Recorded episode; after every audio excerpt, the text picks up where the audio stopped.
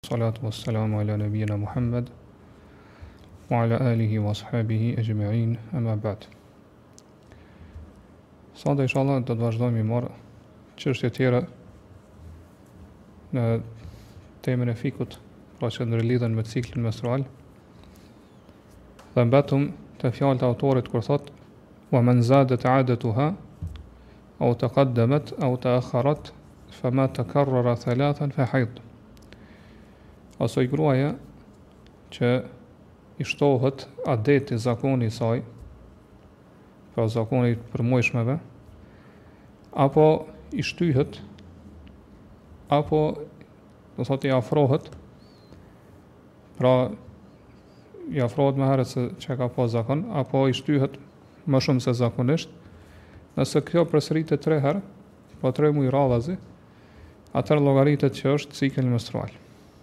Pra me këto fjalë autori përshin çdo grua, pra që e ka këtë problem ose do thotë që i ndodh kështu me zakonin e saj.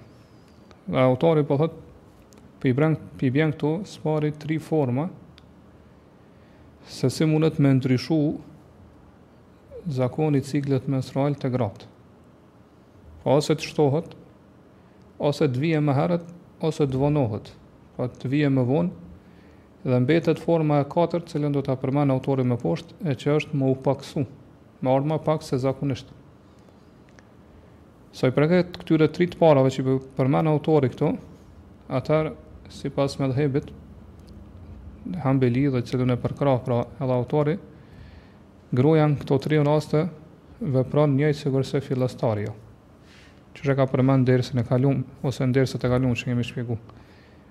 Për shembull rasti kur shtohet cikli menstrual. Gruaja e ka zakon që cikli i saj menstrual me ardh për shembull 5 ditë, jo më shumë. Mirëpo, Një muaj ka fillu me i ardh cikli menstrual 7 ditë. Pra 2 ditë më shumë se sa zakoni i saj. Sipas autorit, kjo gruaja në këtë rast duhet mos m'u fal edhe duhet mos me agjëru kështu me radhë 5 ditë. Qysh e ka pas zakonin më herët. Pastaj duhet m'u la, m'u pastru edhe me fillu namazin edhe agjerimin. Mirëpo, kur t'i ndërprehet tash gjaku herën e dytë, po pas shtatë ditë atëherë vepron sikurse fillestarja.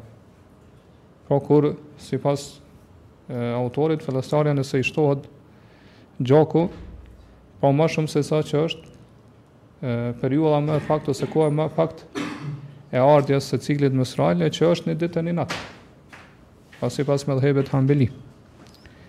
Prandaj autori thotë që nëse në muajin e dytë nëse në muajin e dytë gruas prapë i vjen cikli menstrual 7 ditë atëherë vepron njëjtë sikurse në muajin e parë. Dhe nëse në muajin e tretë pastaj i vjen prapë cikli menstrual pra 7 ditë, Atëherë gruaja në këtë rast krejt këto 7 ditë i llogarit që janë cikël menstrual. Pra llogarit që në këtë rast ju ka ndryshu apo i ka ndrru zakoni saj. Prandaj, sipas autorit, nëse kjo përsëritet tri herë radhazi, pra tre muaj me radhë, këtë rast gruaja ka obligim që m'i ba kaza, pra m'i kompenzu të gjitha ato që I bën kaza apo i kompenzon gruaja gjatë ciklit menstrual. Pra i bën kaza ato gjëra të cilat i ka vepru pas zakonit të parë. Cilat janë ato gjëra që duhet gruaja m'i bo kaza? Pra kena thonë edhe më herët në këtë rast e bën kaza agjërimin obligativ. Nëse në këtë rast për shembull ky ndryshimi i zakonit i ka ndodhur gjatë Ramazanit, Atëherë duhet m'i bo kaza ato dy ditë të agjërimit. Dhe gjithashtu tavafi obligativ, nëse gruaja ka ndodhë që ka bo tavaf edhe në këto dy ditë. Ngase thotë, pra sipas autorit, ajo e, vetëm në mujin e tretë, e kupton që ato dy dit, në cilat osht falë dhe ka agjëru ose ka bo tavaf, realisht kanë, kanë qenë prej zakonit saj, pra kanë qenë cikël menstrual. Dhe siç e dimë gruas me cikël menstrual nuk i pranohet pra as agjërimi dhe as tavafi. Prandaj duhet m'i bë kaza këto. Kurse namazin pra nuk e bën kaza.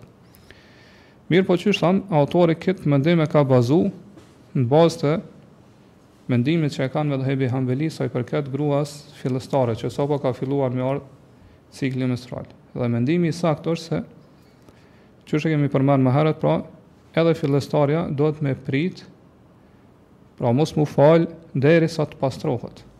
Edhe nëse rrjedhja e gjakut vazhdon më shumë se 24 orë. Edhe në këtë rast, pra gruas, nëse i shtohet zakoni i saj, më shumë se që e ka pas, pra e, zakonin e saj, shtohen ditët e ciklit menstrual, atëherë e ka pra obligim që mos m'u falë, mos me agjëru, dhe gjithashtu, burri e ka t'ndalume m'ju afru derisa të pastrohet.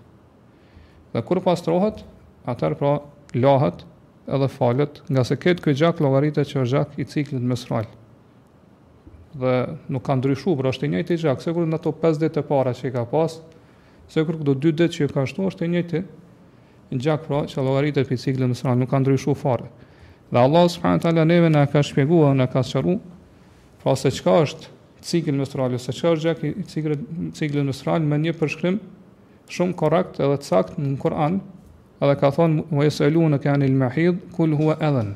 Ata të pysin ty për të përmujshmet e grave, thuaj ajo është edha. Pra edha në gjuhën arabe është diçka e dëmshme, e papastër. Prandaj ky gjak, i cili në këtë rast është i njëjtë sikurse këto 5 ditë e para që ka qenë, pra llogaritet që është edha. Po përderisa vazhdon me, me rrjedh është i njëjti gjak dhe llogaritet që është cikël menstrual. Rasti kur gruas fillojnë me ardhë, pra të përmujshmet e saj më herët sesa që e ka pas zakonin. Për shambull, e ka pas zakonin e saj që me ardhë pra gjaku i ciklit menstrual në fund të mujit. Pra, fund të mujit, prej mujve hënorë është fjala.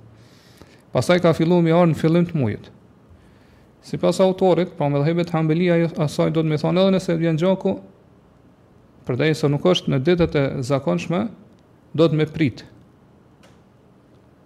Pra duhet me prit edhe mirëpo nëse kjo përsëritet 3 herë, atër e kuptojna që t'u ka ndryshu cikli, pra zakoni yt edhe e llogarit që është cikli menstrual. Përndryshe, kjo, kjo gjak nuk, nuk llogaritet asgjë. Mirpo e sakta është që edhe ky edhe në këtë rast ky gjak që fill, që vazhdon me rrjedh është pa po, gjak i ciklit menstrual. Ngase kjo grua, pra në rastin kur e ka pas pa po, ciklin menstrual në fund të muajit, pastaj ka filluar me ardhë në pa po, në muajin e dytë ka filluar me ardhë në fillim të muajit, e ka obligim pra mos m'u fal, mos me agjëru edhe duhet mos me iu afru burri saj ngase është i njëjti gjak. Pra përderisa i ka të njëjtat Tipare të njëjtat cilësi sikurse gjaku i ciklit menstrual edhe llogaritet që është prej zakonit të saj. Shembulli apo rasti kur i, i vonohen ose i shtyhen është e kundërta e kësaj. Për shembull, nëse gruaja zakonin e ka pas fillim të mujit, pastaj ju ka shty, ju ka vonu, ka, ka fillu me ardhë në fund të mujit. Sipas asaj, pra mendimit cilin e ka zgjedh autori, edhe në këtë rast, Por kur asaj i vjen në fund muajit duhet me i thonë mos u fa, pra fillo vazhdo mu fal. Vazhdo me agjëru. Edhe edhe pse ky gjak, pra që siç thamë ka të gjitha cilësitë apo tiparet e njohura që i ka cikli cikli i gjaku i ciklit menstrual. Pra ka aromën e rënë, erën e keqe, pra është çka me thonë është i trash, është i gjak i zi e kështu me radhë. Ti vazhdo mu falë edhe me agjëru derisa kjo të përsëritet 3 herë. Nëse përsëritet 3 herë, pra 3 muaj radhazi, atëherë ti e llogarit që është cikli menstrual. Përndryshe ti duhet me vazhdu me agjëru dhe mu falë.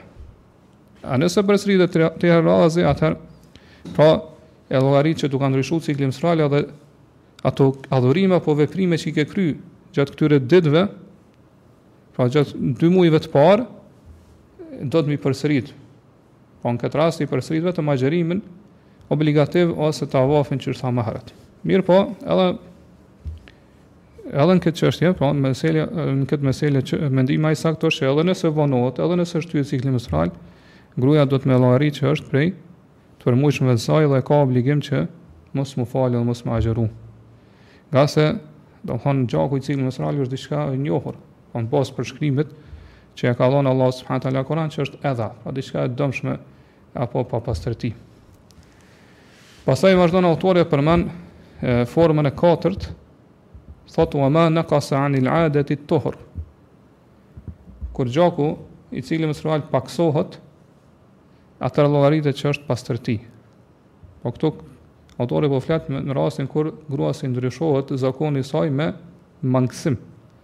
Për shembull, gruaja ka zakonin të përmujshëm e të përmujshëve të saj që është 7 ditë.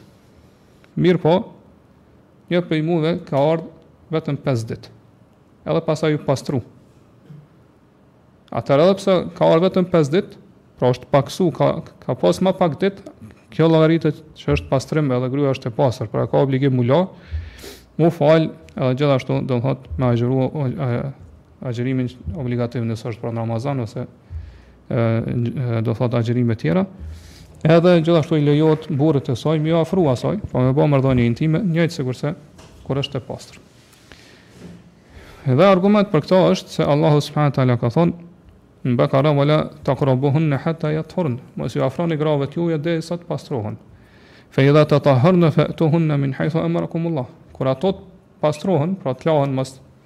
Mas pastrimit, atëherë afrojuni ashtu siç ju ka urdhëruar Allahu. Dhe gjithashtu, argumenti tjetër është fjala e pejgamberit sallallahu alajhi wasallam i cili ka thënë: "Elejse idha hadat lam tusalli wa lam tusum." A nuk është fakt që gruaja kur të është me cikël menstrual as nuk falet as nuk agjeron. Në këtë rast kjo gruaja mo nuk ka cikël menstrual, pra i ka ndërpre, atëherë duhet mu falë dhe duhet me agjëru. Këtu e kemi një dobi, pra cila është shenja e pastërtisë, ose pastrimit, që llogaritet se gruja është pastru prej ciklit menstrual. Cila është shenja që dihet se ajo është pastru prej të përmujshme të saj, kjo është një gjë e njohur te gratë, Pra gratë pastrohen kur e shohin atë sekrecionin e bardhë, i cili del pasi që të ndërpritet cikli menstrual. Mirë po disa gra, te disa gra, ato kurrë nuk e shohin, ose nuk rrjedh ky sekrecion i bardhë. Po deri sa të vjen cikli menstrual, ajo nuk e sheh këtë sekrecion të bardhë. Andaj, te këto gra, pra shenja e pastrimit tyne është që Do thotë kur e përdor atë pambukun me me, me provu ose ndonjë gjë tjetër për me provu a u pastru apo jo, pra e fut në vendin ku del cikli menstrual, edhe e nxjerr del i pandryshuar, pra nëse del njësh ashtu siç e ka fut, atëherë kjo është shenjë që ajo është pastru. Pastaj autori thotë wa ma 'ada fiha jalasathu.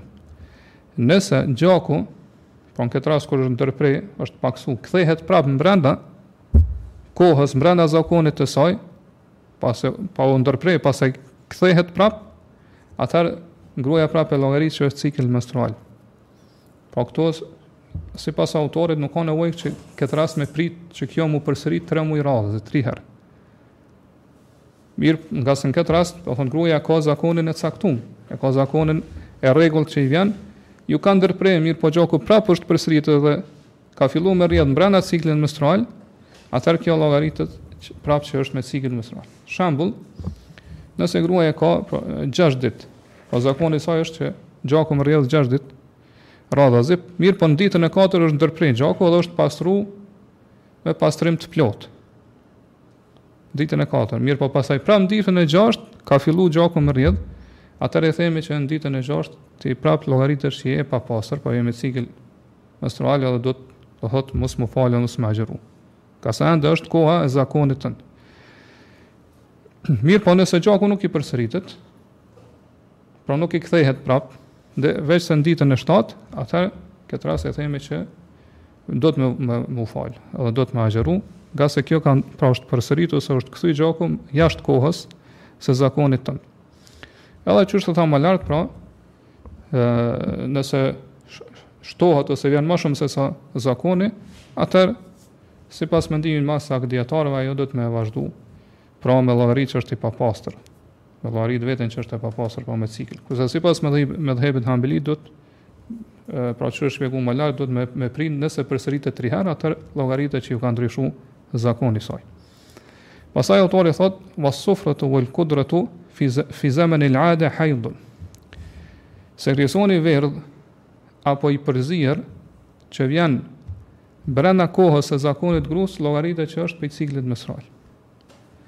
Këto dy sekrecione për cilat po fol autori, pra rrjedhin prej grus, sekreton, sekretojnë pra prej grus, nganjëherë ndodhin para ciklit menstrual, nganjëherë pas ciklit menstrual, nganjëherë mbrena ciklit menstrual. Pra sufra është sekrecion me ngjyrë të verdhë, i cili përngjan atij ujit t'plagëve dhe pra që ka ngjyrë të verdhë, sikurse ai uji që del kur njeriu lëndohet ose plagoset. Kurse El Kudra është një sekrecion pa ngjyrë, mirëpo i cili është i përzier me ngjyrë të kuqërremtë, ose nganjëherë është i përzier me disa vena të kuqe, që është gjaku i ngjizur. Pra çfarë pra ç'domethënë është si në lloj qelbi, i cili është i përzier pra me me këto dy gjëra pra me Uji i cili është i bardhë, i pa ngjyrë edhe me me gjak. Autori po thotë kur këto dy sekrecione vijnë gjatë kohës kur gruaja është me cikël menstrual, atëherë llogariten që janë prej ciklit. Prej fjalëve t'autorit kuptohet se nëse këto vijnë para ciklit menstrual, ose pas ciklit menstrual, atëherë nuk është cikl. Kjo është një prej mendimeve t'dijetarëve në këtë çështje. Mendim tjetër i dijetarëve është që nëse vijnë para ciklit menstrual, po shumë para një ditë ose dy e kështu me radhë, atëherë llogariten pi ciklit. Nëse vijnë mas ciklit menstrual nuk është cikl. Mendimi i tretë i dijetarëve është se ato nuk llogariten në asnjë rast pi ciklit menstrual.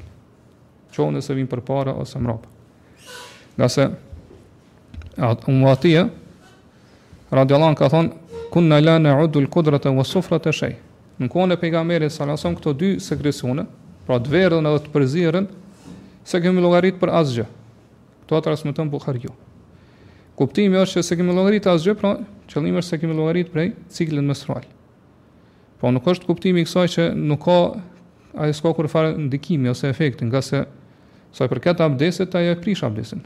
Nuk ka kurrfarë dyshimi që abdesin e prish, po ka, ka ndikim. Mirëpo, s'e kemi llogarit asgjë, pra s'e kemi llogarit prej ciklit menstrual. Prej fjalës kësaj kuptohet përgjithsimi. Po qoftë nëse janë përpara, qoftë nëse janë mrapa, nuk llogaritet prej ciklit menstrual. Mendimi i tretë i dijetarëve është se e, ato llogariten cikël menstrual, kurdo që vinë, qoftë para ose mrapa. Ngase këta thonë që të dy sekrecione dalin prej mitrës së gruas dhe kanë erë aromë të keqe.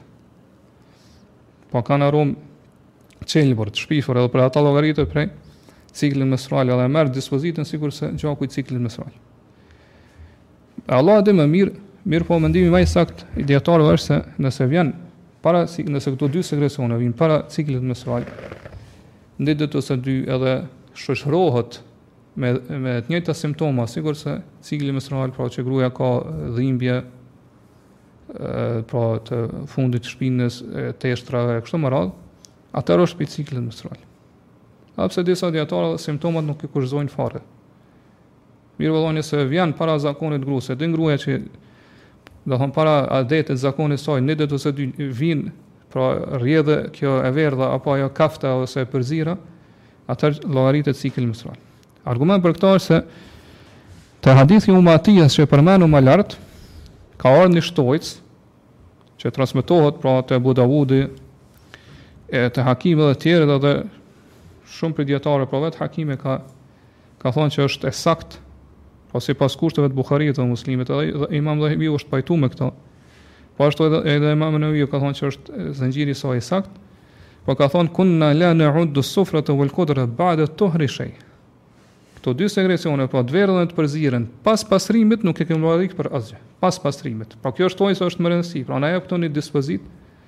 të shtesës tre. Po ngase po e kushtëzon që është mas pastrimit, kjo tregon që nëse është para pastrimit, atëherë llogaritet që është prej ciklit menstrual. Po ashtu argument tjetër është se ajo që vjen para ciklit menstrual pra këto dy sekrecione për to pohohen ose e, pra vërtetohen dispozitat e ciklit menstrual Ngase kjo llogaritet që po e ka po e ndjek ose e pason ciklin menstrual. Po kemi prej rregull rregullave të fikhut, një rregull shumë të rëndësishme që një gjë pohohet dispozita e saj kur e pason një një gjë tjetër, mirëpo jo kur vjen në mënyrë të veçantë. Po nëse vjen si pasim i saj ose ndjekje e saj atëherë llogaritet që është prej saj. A nëse nëse vjen vetë nuk llogaritet që e merr dispozitën e asoj çështjes tjetër.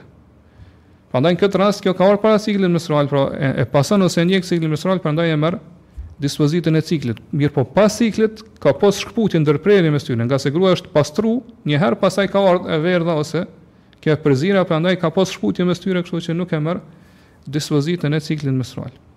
Gjithashtu Kjo nuk është, këto dy sekrecione nuk është, nuk janë prej gjakut të cilën Allahu subhanahu wa taala ka thënë që është edha, po që është shpjeguar më herët gjakun e ciklit që Allahu ka përshkruar që është edha, që është i dëmshëm.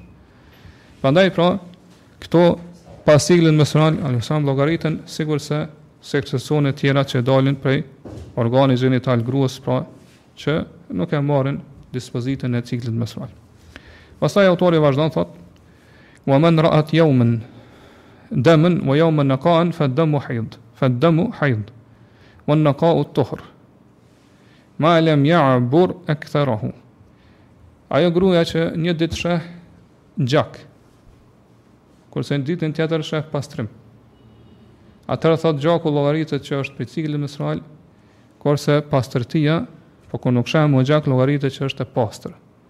Përderisa kjo nuk e kalon kohën më të gjatë që ose maksimumin, kufirin maksimal të ciklit menstrual. Për shembull, kemi një grua që një ditë, po qëllimi një ditë është 24 orë sipas medhhebit hanbeli. Po një ditë e sheh, ka rrjedhje të gjakut menstrual. Ditën tjetër pastrohet. Kur për shembull, kur thirr ezani i akshamit vjen cikli menstrual. Kur thirr ezani i akshamit ditën tjetër, po mas 24 orëve, ajo e sheh pastrimin. Sipas autorit, pra kjo dis, dispozitë sikurse dispozita tjera, pra vërtiten edhe sillen me shkakun edhe arsyen e tyre. Prandaj në ditën të cilën ka ciklin menstrual, ajo për këtë grua vlen të gjitha, vlen të gjitha dispozitat e ciklit menstrual. Ditën kur pastrohet, pra i ndërprehet gjaku, atëherë i merr të gjitha dispozitat e pastërtisë. Ngase thotë kështu, kuptohet ose këtë dispozitë e kërkojnë vetë fjala e Allahut subhanahu teala, fjalët e Allahut kur thotë kul huwa adhan fa'tazilun nisa fil mahid. Thuaj, të përmujshmet e grave janë një gjë e dëmshme, papastërti, prandaj largojuni grave gjatë ciklit menstrual. Po përderisa ekziston kjo edha, që kjo gjëja dëmshme që po e përshkruan Allahu, pra ky gjak, atëherë ajo llogaritet që është e, cikël menstrual. Kurdo që ndërprehet kjo dhe vjen, pra e sheh gruja pas, pastrimin, atëherë ajo është e pastër. Sipas kësaj, i bie që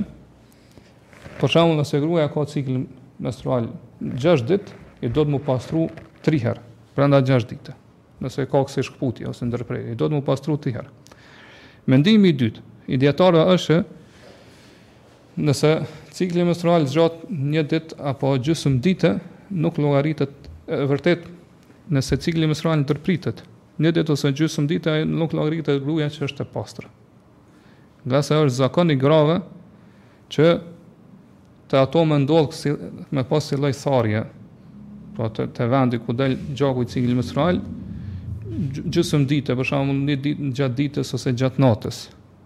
Edhe kjo mund të ndodhë në vetë gjatë ciklit menstrual. Pra gruja nuk e shef pastrimin. Edhe gjithashtu gruja nuk e ndjen veten, nuk e sheh veten, nuk e ndjen veten që është e pastër brenda kësaj periudhe, brenda kësaj kohe. Mirëpo gjithmonë, pra e pret që m'u pastru, ose, ose e vërtet e pret që me vazhdu edhe me rrjedhë gjaku.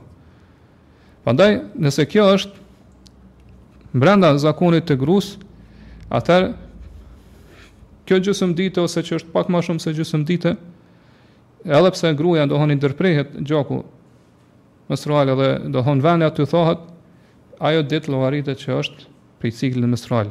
Edhe gruaja pra nuk e ka obligim të pastrohet dhe gjithashtu nuk e ka obligim mu fal, as pra nuk i lejohet mu fal, pra as nuk i lejohet me bë tavaf, as me bë itikaf, ngase llogaritet që është me të përmujshme ose me cikl menstrual, derisa të sheh pastrimin.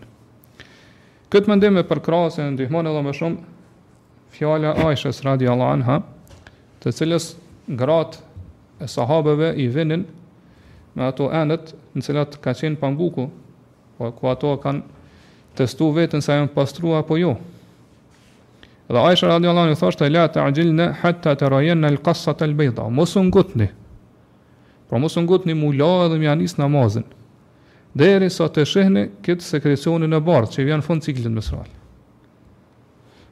Gjithashtu këta dijetarë thonë nëse e detyrojmë grun me punu sipas mendimit të marrë të parë, kjo i ka i kushton ose i shkakton grues vështirësi të mëdha. Sidomos do thon ditët e ftohta kur është dimër apo kur gruaja është në udhtim, po me detyru kështu me u la i shkakton vështirësi të mëdha. Prandaj mendimi i dytë inshallah është më afër të vërtetës, ngase thatësia që e sheh gruaja, për shembull gjatë 20 orëve Po mbrenda 24 orë, 20 orë e sheh thatësinë, apo edhe 24 24 orë për një ditë e një natë. Apo parafërsisht me 24 orë kjo nuk llogaritet pra pastërti. Ngase kjo është një gjë që e zakonshme që ndodh te gratë. Po kjo është inshallah mendimi i saktë. Autori pastaj sipas medhhebit, po, po thotë përderisa nuk e kalon kufirin maksimal të ciklit menstrual, pra këto dyja s' bashku. Tharja edhe ardhja e gjakut, nëse nuk e kalon kufirin maksimal, po sipas medhhebit është pesëmbëdhjetë ditë, atëherë vepron qysh e përmendëm më lart. Mirpo, nëse e kalon më shumë se pesëmbëdhjetë ditë, atëherë sipas medhhebit kjo llogaritet që është istihada. Pra, ë gjakosje jo e rregullt. E pastaj autori vazhdon edhe i përmend dispozita që kanë të bëjnë me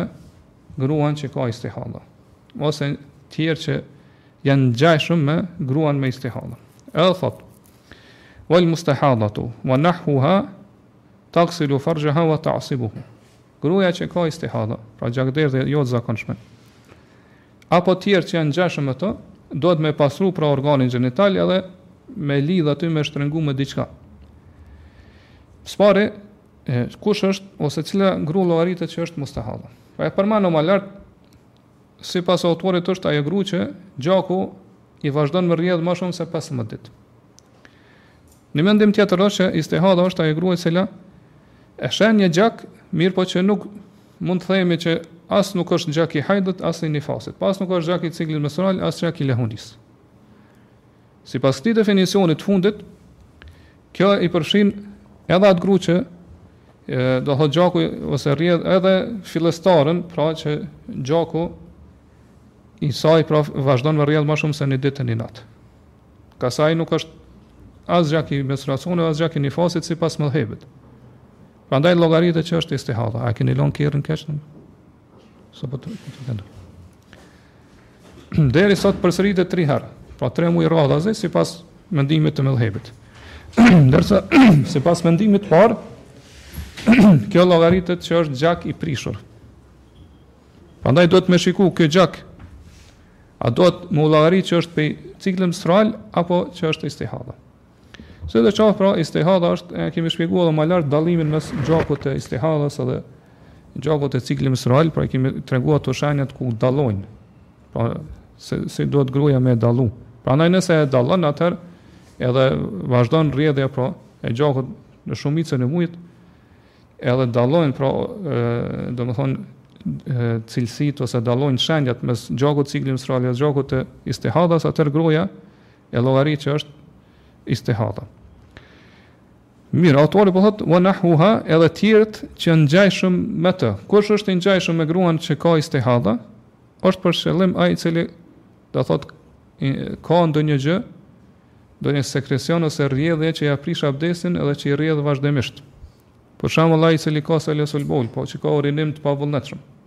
Po që i del urina pa vullnetin e tij, apo ai i cili mundet me pas edhe jashtëqitje pra të këtillë, që i del vazhdimisht pa vullnetin e tij apo domethonë dikush i cili vazhdimisht liron gazra po nuk mundet me i nalë ato e kështu me radhë autori po thotë këta persona qysh duhet me vepru pra së pari po thotë po sa për këtë istihadës edhe tjerë që janë ngjashëm me të tagsilu ferxheha ajo duhet me e la me uj pra organin e saj gjenital Por nuk mjafton pastrimi me qenë vetëm me letra ose me mindila kështu me radhë.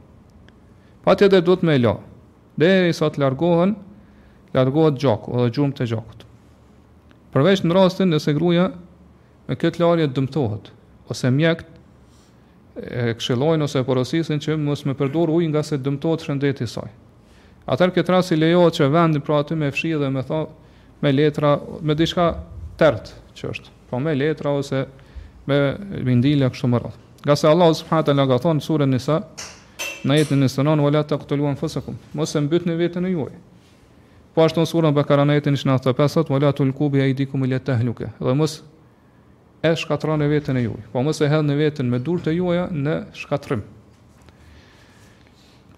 Edhe ai i cili ka urinim të vazhdueshëm, pra duhet me e la organin e tij me ujë.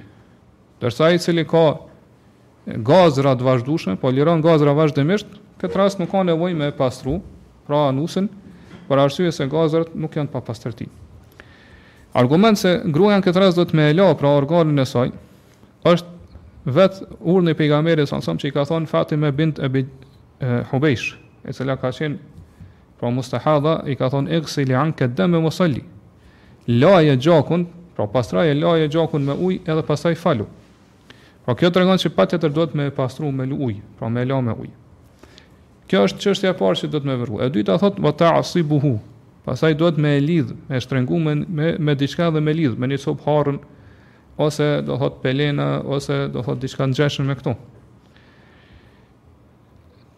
Edhe gjaku, mirëpo, kjo është mesele tjetër. Tash gjaku i cili rrjedh, mirëpo, që rrjedh jo prej dy kanaleve. Po as prej kanalit urinar edhe as prej anusit.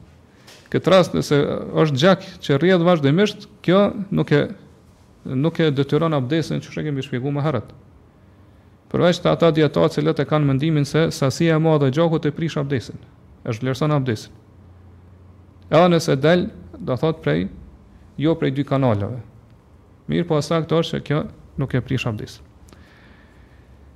Po edhe nuk ka nevojë të marrë abdes. Ngase pra nuk ka dalë prej dy kanaleve, edhe nuk ka argument që gjaku i cili del Jashtë dy kanaleve nuk mund llogarit që është prej zhvlerësuesve të abdesit. Gjithashtu një parim e kemi që njeri është i pastër derisa vjen argumenti që tregon se një gjë ia prish abdesin. Kjo është parim. E treta që e vepron thot wa tatawadda'u li waqti kulli sala. Edhe gruaja këtë rast duhet me, me marr abdes për kohën e çdo namazi. Po kur të hin koha e çdo namazi duhet me marr abdes. E ka obligim gruaja mustahadha që me marr abdes kur të hin koha e çdo namazit, nëse ka dalë diçka prej saj, nëse ka rrjedh prej saj gjak. A nëse nuk ka rrjedh asgjë prej saj, pra nuk ka rrjedh gjak, atëherë ajo llogaritet që domethënë është e pastër me abdesin e parë që e ka marr. Përveç nëse atë abdes nuk e ka prish me gjëra tjera që e prishin abdesin. Ky ka qenë fillimisht edhe mendimi i Sheikh Uthejminit Allahu e mëshiroftë. Po të kaluarën e ka pas këtë mendim. Ma von, domethënë e ka ndrru mendimin. Edhe ka thonë që gruaja që është mustahadha. Edhe ata që janë ngjashëm me të, pra siç thamë kanë për shembull urinim të vazhdueshëm edhe të pavullnetshëm, Nuk e kanë me nuk e kanë obligim me marr abdes për çdo kohë të namazit. Mirëpo vetëm preferohet. Nëse merr abdes, po për një kohë të namazit, edhe nuk e ka prish abdesin me gjëra tjera, atëra ai llogaritet edhe pse ka hi koha e namazit tjetër, llogaritet që është e pastër. Këtë mendim e ka pas Imam Maliku Allahu e mëshiroftë, edhe e ka zgjedhë si mendim më të saktë Sheikhul Islam ibn Taymija. Allahu e mëshiroftë. Pse e ka zgjedh këtë mendim më të saktë, ka thonë ngase nuk ka argument që tregon se abdesi i tyre në këtë rast me hyrjen e kohës zhvlerësohet. Pse? Për arsye se ai i cili tek ai ndodh një gjë që ia prish abdesin në mënyrë të vazhdueshme, ky thotë nuk përfiton kurgjë prej abdesit. Ngase ajo gjë që ia prish abdesin, po rrjedh ose ndodh te ai vazhdimisht, pa ndërprerje. Prandaj, pse me marë abdes ai, pra nuk, nuk ka kurrfarë dobie me marë abdes. Mirëpo ka ardh një transmitim te Bukhariu, te Sahih Bukhariu që Pejgamberi sal sallem i ka thonë, pra kësaj gruaje që ka qenë me, me istihada, thumme tawadda'i li kulli sala. Pastaj merr abdes për çdo namaz. Mirëpo këtë shtesë, Imam Muslimi e ka llogarit që është e dobët. është e dobët, pra daif. Për këtë arsye në Sahihun e tij nuk e ka transmetuar, pra qëllimisht e ka larguar s'e ka s'e ka përcjell hiç. Në Sahihun e tij Muslimi. Edhe ka thonë hadithi që kjo shtesa që transmetohet, pra është përmes një transmetuesi që ka qenë Hamadi, ka thonë at, aty ka ndodhur një shtrembrim për këtë arsye e kemi heq prej Sahihut, e kam larguar thot prej Sahihut.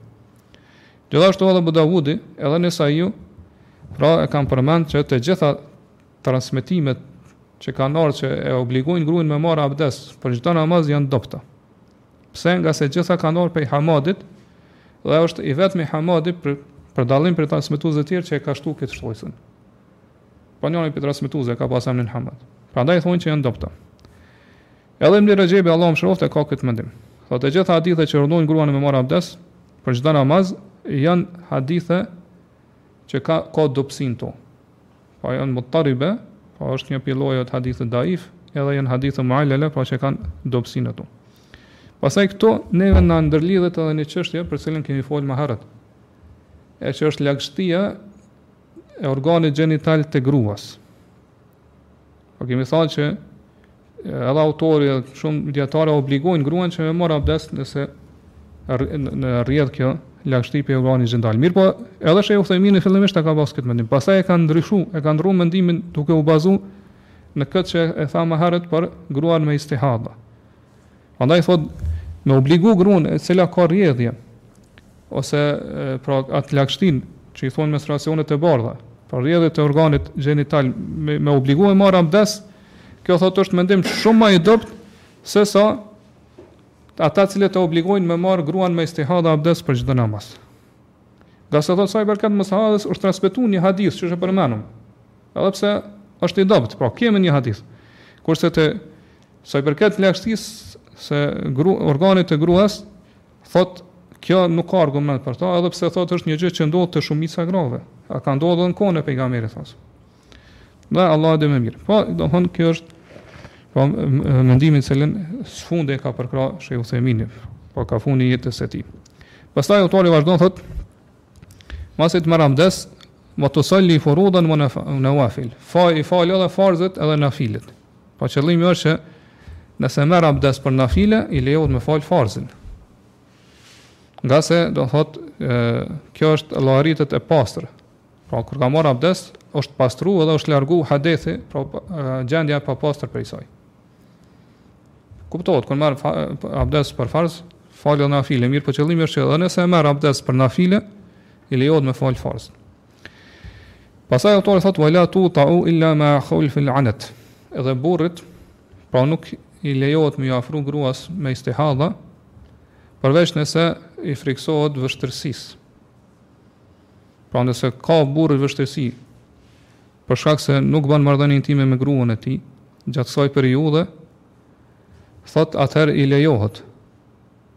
i lejohet me sipas medhhebit pra me bë marrëdhënie intime.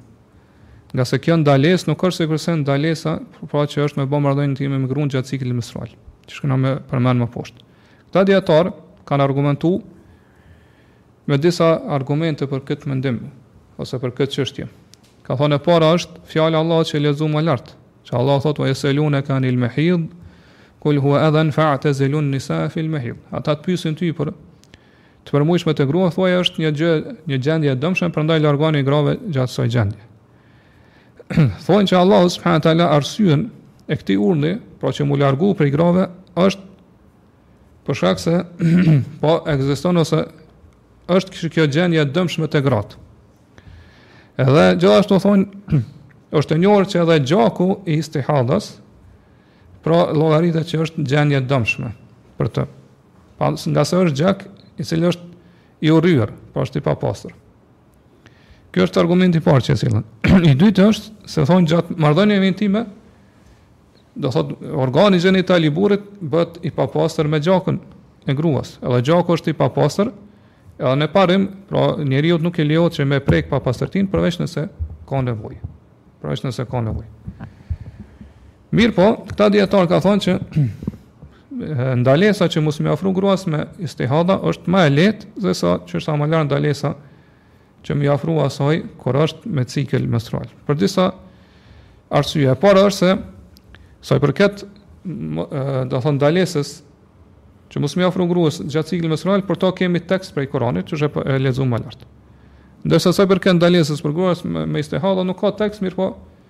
Ose themi, qysh e pamë, e pamë më lart që bëhet analogji, kijas pra me të, ose disa, disa kanë pretendu që teksti, pra ajeti që lexum më lart e përfshin edhe këtë gjendje.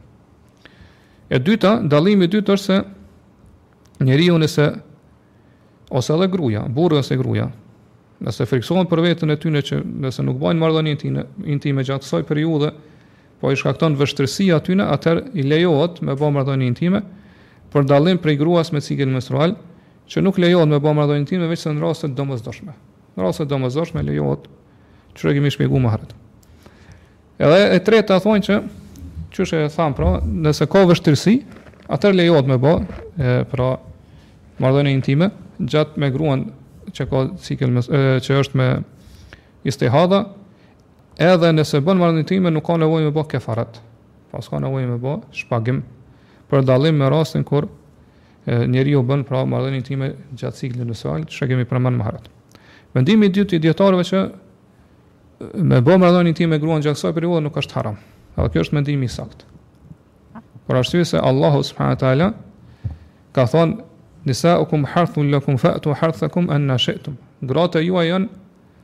arat e juja.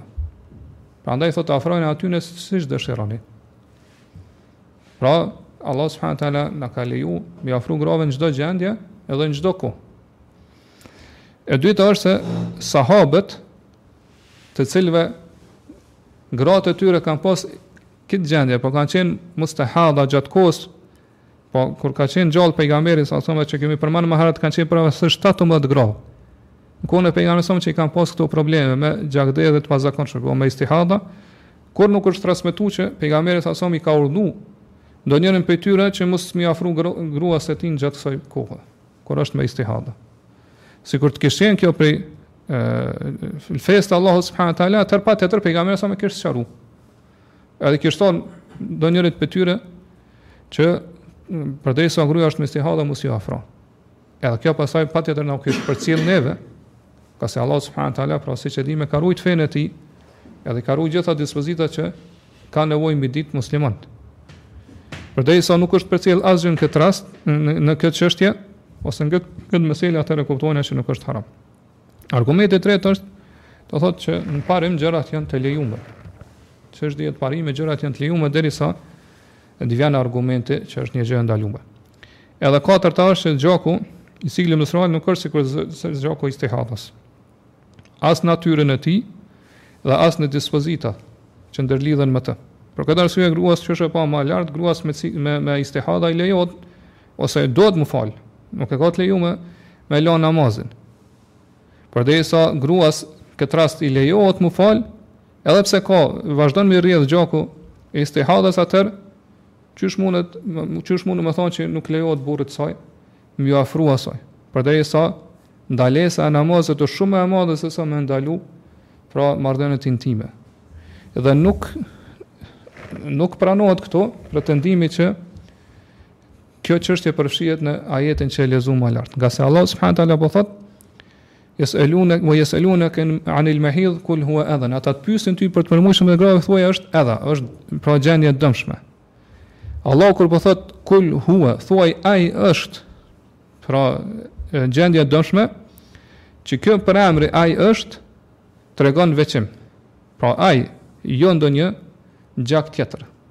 Pra vetëm gjaku i ciklit menstrual është gjendje e dëmshme, jo ndonjë gjak tjetër. Prandaj këtu nuk pranohet kjasi, nuk e pranojmë pra analogjinë, dhe përderisa nuk e pranojmë analogjinë në shumicën e dispozitave, pra gruaja me, me cikël menstrual nuk është njëjtë sikurse, pra në dispozita dallojnë sa i përket gruas me istihada, atëherë do të thotë edhe në këtë çështje, nuk e pranojmë edhe nuk ka kjas, pra nuk ka analogji. Edhe argumenti i pestë është që e, koha e ciklit menstrual është e, e pakt, është koha e vogël. Prandaj edhe, kur është e ndalume, pra ndalesa që ka ardh mos me bo marrëdhënie intime gjatë kësaj kohe, do thot, është një ndalesë e, e, e vogël, pra ditë t'caktume, të pakta. Për dalim prej gruas që është me istihada, kësaj, këtyre grave zakonisht, pra rrjedhja u vazhdon ditë t'tana, pra është kohë e gjatë.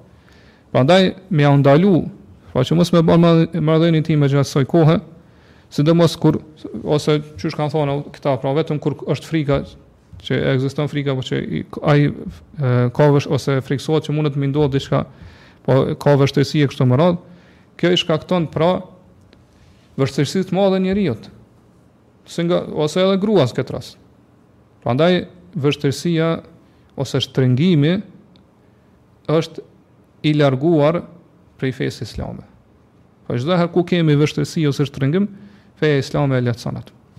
Ndërsa ajo që e kanë përmend këta që pra organi i mashkullit në këtë rast bëhet i papastër gjatë marrëdhënies intime pra me me me gjak, atëherë themi që kjo i ka dy përgjigje. E para, ose themi që është një gjak i pakt, edhe gjaku i pakt pra është një gjë që tolerohet, Edhe pra me këtë me këtë çështje pra nuk kemi ndonjë problem, është një gjë që e kemi thonë më më herët, po kur, kur kemi fol për gjakun se të gjithë dietarët do thonë gjaku që është i pakt tolerohet, ose themi që pra përgjigja e dytë është se pra është gjak i pakt, dhe se ajo sasi e gjakut që do thonë në këtë rast e bëhet i papastër organi gjenital i mashkullit është do thotë e pakt. Prandaj gjaku i pakt tolerohet edhe nëse është i papastër.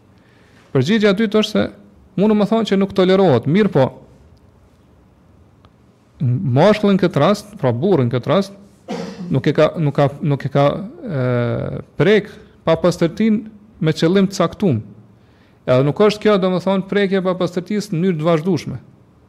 Po kjo ndodh në kohë të shkurt, edhe nuk është qëllimi i tij që me domethënë me me prek papastërtinë, mirëpo qëllimi i, i burrit n'këtë rast është Pra me bë marrëdhënie intime, jo që do thotë me prek papastërtinë. Për këtë arsye ai obligohet menjëherë mas marrëdhënies intime që me pastru pra organin e tij gjenital. Mirpo nëse ndodh që njeriu për shkak se është do thotë aty gjaku edhe në një farë mënyre pra gërditet edhe nuk mundet me bë marrëdhënie intime me gruan e tij në këtë rast. Pra kjo është një gjë që ndërlidhet me ë do të thonë nga ana psikike ose nga ana psikologjike e tij. Pra këtu nuk kemi për shkak se ne nuk mundna me ndërtu ose me bazu ndonjë dispozitë fetare. Ngase njeriu ka mundësi me urry një gjë, mos me pëlqy, po me, me gërdit, me u gërdit, po mos me, mos me, mos me dasht, mirëpo nuk qortohet pse nuk e vepron ose pse e braktis atë.